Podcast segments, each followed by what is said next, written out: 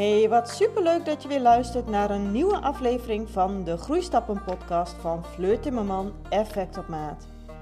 Als perfectionist en gevoelig ondernemer deel ik graag inspiratie en tips over persoonlijke en professionele groei. Ontdek jouw volgende stap voor een gelukkig leven vol plezier en innerlijke rust.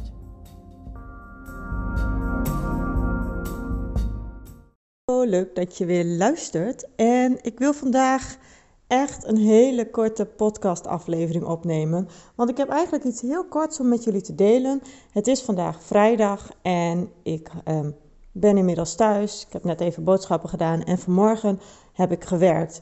En ik was aan het werk bij een orthodontistenpraktijk en ik uh, heb daar groeigesprekken met alle individuele werknemers. En met een van die werknemers kwam ik in gesprek over trauma's. En die trauma's um, kunnen soms voor sommige mensen heel erg heftig zijn. Hè? Uh, als je even terug gaat kijken naar je eigen leven en um, als ik terugkijk naar mijn leven, dan weet ik dat mijn leven niet heel erg uh, vlekloos is verlopen. En dat geldt voor mij, maar dat geldt ook voor jou en dat geldt voor ieder ander. Um, meestal maak je best wel wat uh, nou ja, diepe dalen mee. Of in ieder geval wat dalen of wat dalletjes. En uh, meestal staan er ook hele hoge bergen tegenover. dus uh, genieten staat tegenover dat je ook best wel wat heftige ervaringen kunt meemaken in je leven. Um, in mijn geval waren dat best wel wat hobbelige zaken in het verleden. Waardoor als ik dat vertel aan iemand anders, uh, dat heel erg kan overkomen alsof ik enorme grote trauma's heb opgelopen in mijn verleden. En um, toen kwamen we dus op het onderwerp trauma uit. Want deze werknemer die herkende dat heel erg, dat zij zelf ook behoorlijk wat heeft meegemaakt in haar verleden. Maar dat zij zelf um, niet echt het idee had dat zij daar bepaalde trauma's aan had overgehouden. En daarentegen waren er een aantal andere kleine zaken die je niet zou eh, bestempelen als iets zwaars, als iets groots en dus als een enorm trauma. Nee, ze had juist iets kleins of meerdere kleinere dingen in haar leven meegemaakt waarvan ze dacht van ja, weet je, daar heb ik dus juist last van. Maar hoe kan dat nou? Dat is toch geen groot trauma? En zij heeft in het verleden ook wel hulp gehad bij een psycholoog. En de psycholoog prikte daar ook niet doorheen, want die legde heel vaak de nadruk op de grote zaken die er in haar leven hebben gespeeld. En daarmee werd iedere keer de, um, um, de nadruk gelegd dus op dat, dat grote, waardoor uh, er als het ware een soort van afleiding was van al die kleine zaken die wel juist meespeelden. En dat kan namelijk ook een heel groot gevaar zijn. Dat wij um, bij het woord trauma denken aan hele heftige gebeurtenissen. Maar we onderschatten dat we als mensen ook heel vaak te maken hebben met hele kleinere, subtielere trauma's. En dat noem je als het ware ook microtrauma's. En wat je vaak merkt is dat een microtrauma, dat lijkt op zichzelf erg onschadelijk. Het is uh, dan ook heel vaak logisch dat we tegen onszelf zeggen van nou, dit stelt niet zo heel veel voor en we gaan gewoon maar weer verder. Daardoor sta je dus ook niet echt stil bij dat je een trauma hebt opgelopen. En um, op het moment dat je iets hebt wat jou dus enorm geraakt heeft, maar waarbij we onszelf bestempelen, hé, maar dit is geen groot trauma, dus ik mag daar niet te lang in blijven hangen of in blijven stilstaan. Um, uiteindelijk ga je meerdere van dat soort kleine zaken of gebeurtenissen tegenkomen en die gaan zich verweven in jouw leven. En op een gegeven moment gaan dat dus ook terugkerende microtrauma's worden. Um, voorbeelden daarvan zijn bijvoorbeeld dat jij uh, te maken hebt met dat mensen uh, ineens geen contact meer met je willen. Of dat uh, mensen ineens vriendschappen met jou ver, um, beëindigen. Um, of dat mensen ineens uit jouw leven verdwijnen. Zonder dat je daarvan af weet. En dat kan te maken hebben met de dood natuurlijk. Dat is alweer een wat ingrijpende trauma. Maar het kan ook te maken hebben met een verhuizing van een dierbare vriend of uh, misschien het ontslag op je werk en dat je ineens in, uh, afscheid neemt van je collega's of dat er ineens een collega op staande voet wordt ontslagen waar je goed mee omging en dat die ineens niet meer op jouw werkplek aanwezig is. Um, vaak gaat het erover dat jij dan als het ware gaat twijfelen van hé, hey, is dit wel een trauma of kan dit wel groot genoeg zijn om bestempeld te worden als trauma? En daardoor stap je daar dus wat makkelijker overheen.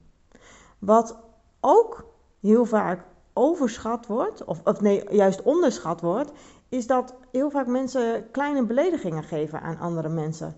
Of dat, uh, dat je persoonlijk last hebt van persoonlijke aanvallen. Dus dat mensen het altijd op jou gemunt hebben, als het ware.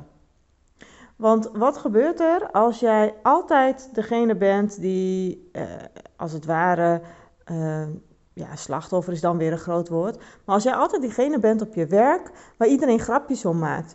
Of waar iedereen een beetje mee spot. Of, of nou ja, waar iedereen uh, altijd de schuld aan geeft. Stel nou dat jij die persoon bent. En dat lijken dan allemaal op zichzelf kleine, uh, op zichzelf staande gebeurtenissen. Maar door de jaren heen, of door de maanden heen, kan dat zich enorm gaan opstapelen. En uiteindelijk um, ja, gaat dat als het ware samenkleven tot één grote bal. En wordt het dus wel een groot trauma. En doordat je er dus steeds niet bij stilgestaan hebt, of steeds niet genoeg bij stil hebt gestaan, um, denk je dus, of zeg je tegen jezelf van nou, doe maar, ga maar gewoon door. Zet je, oh, pardon, zet je er overheen. Um, het, geeft niet. Uh, het, uh, ze hebben het niet zo bedoeld. Of het was niet voor mij bedoeld. Of ik, ik stel me misschien wel aan. Of ik zie het verkeerd. En wat er dus gebeurt, is dat je uiteindelijk gaat twijfelen aan jezelf. En uiteindelijk ga je ook twijfelen aan je eigen waarde. En uiteindelijk ga je ook twijfelen of jij er dan wel toe doet. En of jij er wel mag zijn. Bedenk dus altijd goed voor jezelf. Wees ook heel erg lief voor jezelf.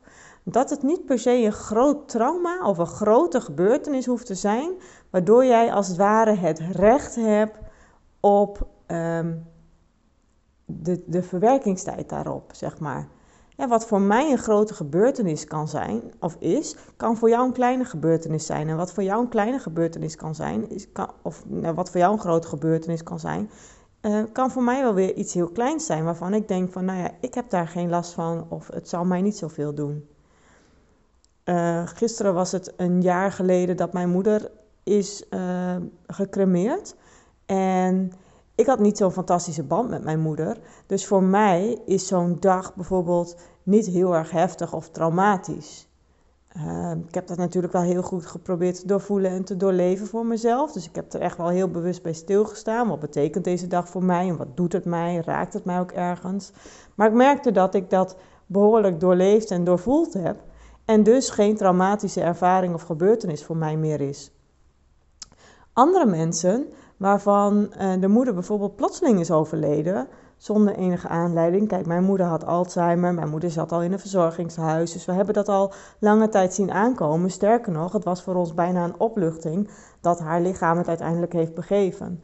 Uh, maar mensen die heel erg close zijn met hun moeder, of mensen die uh, ineens iemand plotseling verliezen, dat kan een enorm traumatische ervaring zijn of een traumatische gebeurtenis zijn, waardoor je dus ook last kunt krijgen in je leven daarvan. En eerst heeft dat uh, invloed op je persoonlijke, uh, je persoonlijke leven. En blijft dat invloed hebben op je persoonlijke leven, dan gaat dat uiteindelijk zich ook doorwerken op jouw professionaliteit. Dus op, gaat het ook meer invloed hebben op jouw werkleven. Nou, dan ben je eigenlijk al aan de late kant op het moment dat je merkt dat iets jou persoonlijk doet of raakt, is het heel belangrijk om dat te gaan doorvoelen en te gaan doorleven. Zodat van die kleine microtraumaatjes uiteindelijk niet één groot trauma gaan worden. Um, dat is wat ik wilde meegeven, zo vlak voor het weekend. En um, ik hoop dat je er wat mee, uh, mee, kunt of aan hebt. En ik um, wens je nog een heel fijn weekend. En dan hoor ik je, of dan zie ik je, nee, dan hoop ik dat je de volgende keer weer luistert naar een nieuwe podcast van mij. Hm, doei!